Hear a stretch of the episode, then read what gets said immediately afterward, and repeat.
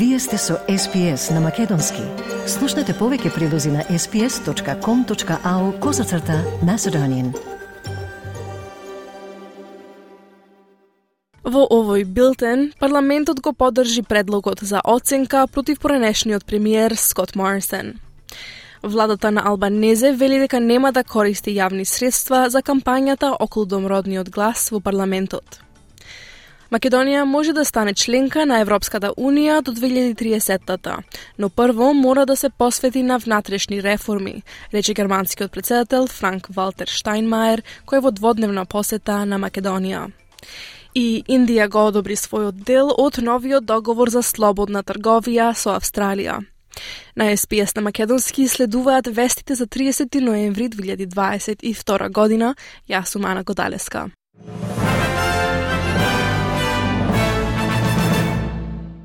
Сојузниот парламент гласаше да го осуди Скот Морисон поради скандалот со неговите тајни назначувања на неколку министерства. Конечните резултати од гласањето беа 86 за, а 50 против. Либералната пратеничка Бриджет Арчер го поддржа предлогот и покрај противењето на низината партија, велејќи дека би било лицемерно да не го стори тоа поради низиниот постојан став за интегритет.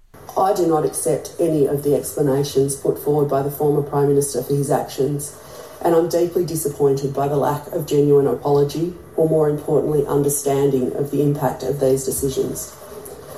I've said time and time again that we talk very much in this House about the great privilege and honour of being here but we talk less often about the responsibility that comes with that.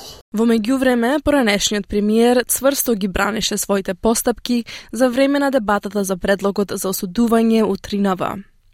Скот Морисон му кажа на парламентот дека никогаш не го прекашил законот со тоа што тајно положил заклетва во дополнителни министерства без да им каже на одговорните за ресорите и дека останува горд на своите достигнувања во владата.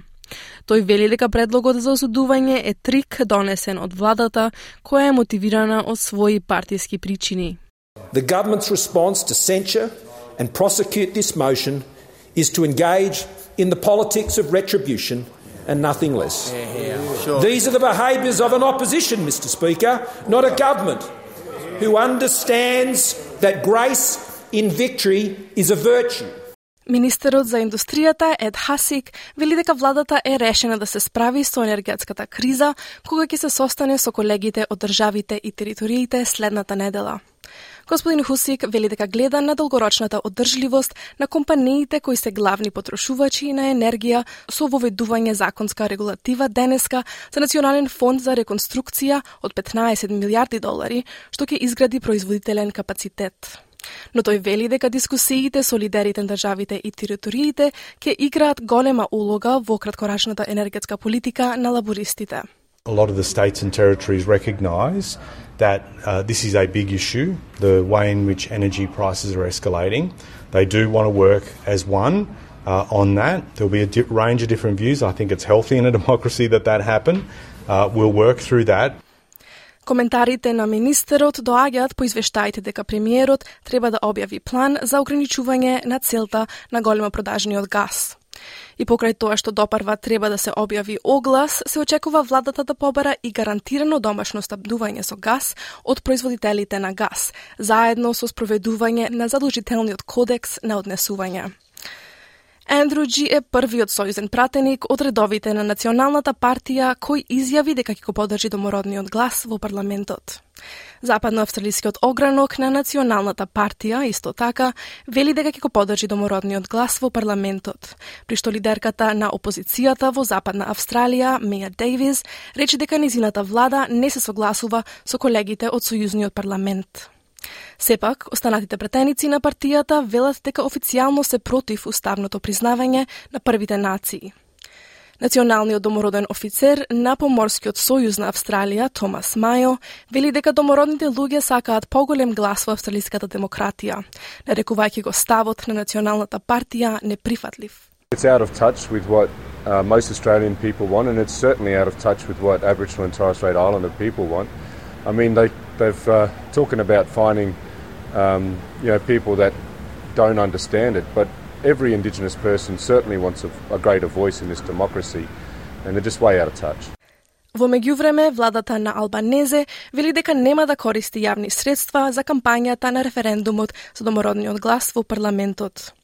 Одлуката значи дека дебатата за тоа дали да се внесе советодавно тело на домородните луѓе во Уставот ќе се одржи под различни услови од последниот референдум во 1999 година, на кој тогашниот премиер Џон Хауард ги финансира двете страни со 7,5 милиони долари под услов да не им биде дозволено да собираат средства или да примаат донации. Министерката на домородните австралици Линда Берни вели дека единственото финансирање на даношните обврзници за овој референдум ќе биде неутрална информативна кампања за граѓаните да разберат како да гласаат.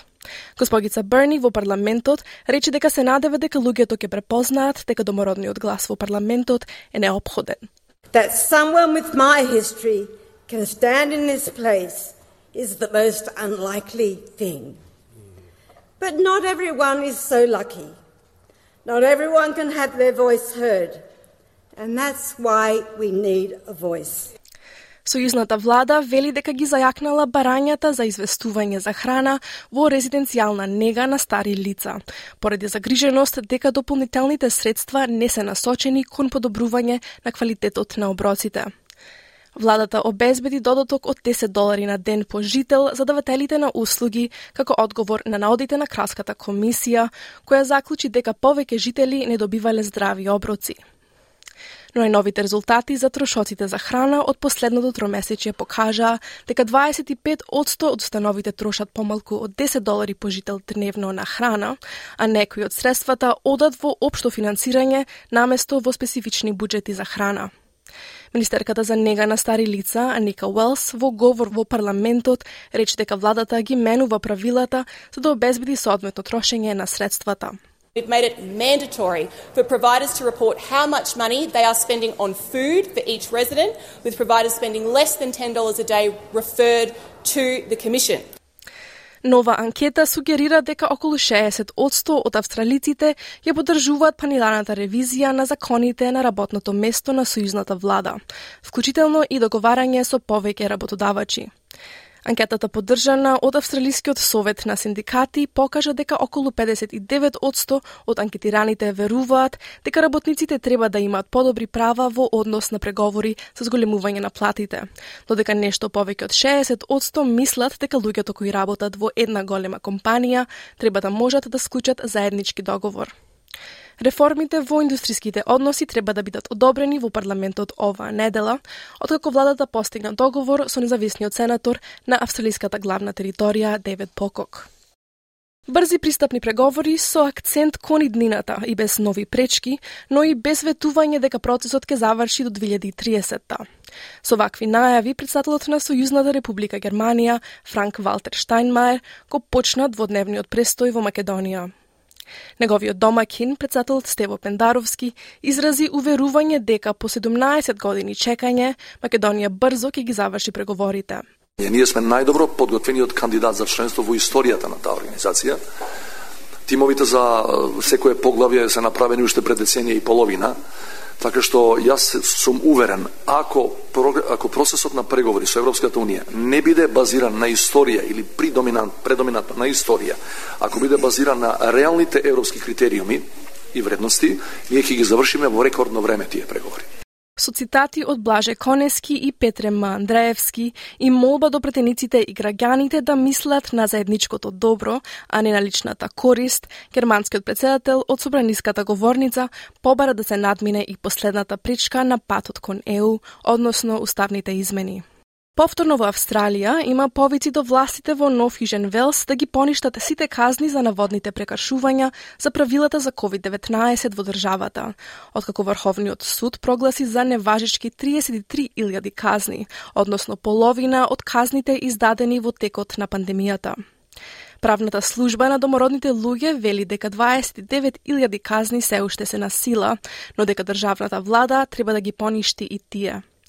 Извршната директорка Карли Уорнер вели дека независниот преглед веќе открил дека владите ги спроведувале правилата за COVID-19 без праведност и сочувство, а тоа најмногу влијаело врз најранливите заедници. Таа вели дека домородните луѓе ги изгубиле своите возачки дозволи како резултат на неплатени казни за COVID-19, што значило дека не може да одат на работа, да ги носат децата на училиште или да го посетуваат нивниот лекар.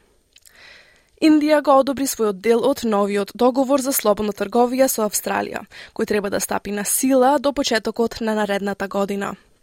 Австралискиот парламент ги усвои индиските и британските договори за слободна трговија минатата недела, но тие мора да поминат низ соодветните домашни процеси пред да стапат на сила.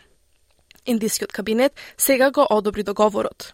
Договорот значи дека даноците на 90% од австралиските стоки извезени во Индија ќе бидат одстранети, вклучувајќи го месото, волната, памукот, морската храна и авокадо. Соединетите држави ветија финансиска помош за Украина со која ќе помогнат да се поправи енергетската инфраструктура во земјата оштетена од руското гранатирање. Истовремено обвинувајќи ја Москва дека го користи зимскиот, ску... зимскиот студ како оружје. САД велат дека ќе обезбедат 53 милиони американски долари за купување опрема за електричната мрежа. Ветувањето доаѓа додека министрите за надворешни работи на НАТО се состануваат во Романија за да разговараат за поддршка за Киев. Американскиот државен секретар Антони Блинкен вели дека сојузниците ќе, ќе продолжат да ја поддржуваат Украина. We are not going to be uh, deterred going forward. Uh, we're going to be reinforcing NATO's presence from the Black to the Baltic Seas. And in that effort, uh, we are working constantly between each other as well as with NATO to effectively inform and reinforce our Black Sea uh, strategy.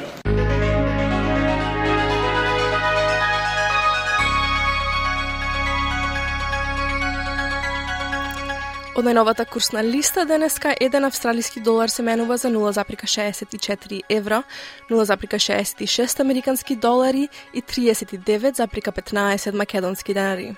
Додека еден американски долар се менува за 58,58 македонски денари, а едно евро за 60,85 македонски денари. И на кратко временската прогноза за главните градови за утре 1 декември 2022. Облачно во Перт 25 степени, 26 за Аделаид сончево, облачно за Мелбурн 19 степени, 16 за Хобарт облачно. Делумно облачно за Канбера 23 степени, идентично и во Сиднеј, делумно облачно 23. Врнежливо за Бризбен 20 степени, 36 за Дарвин, претежно сончево, и во Елес Спрингс сончево 32 степени.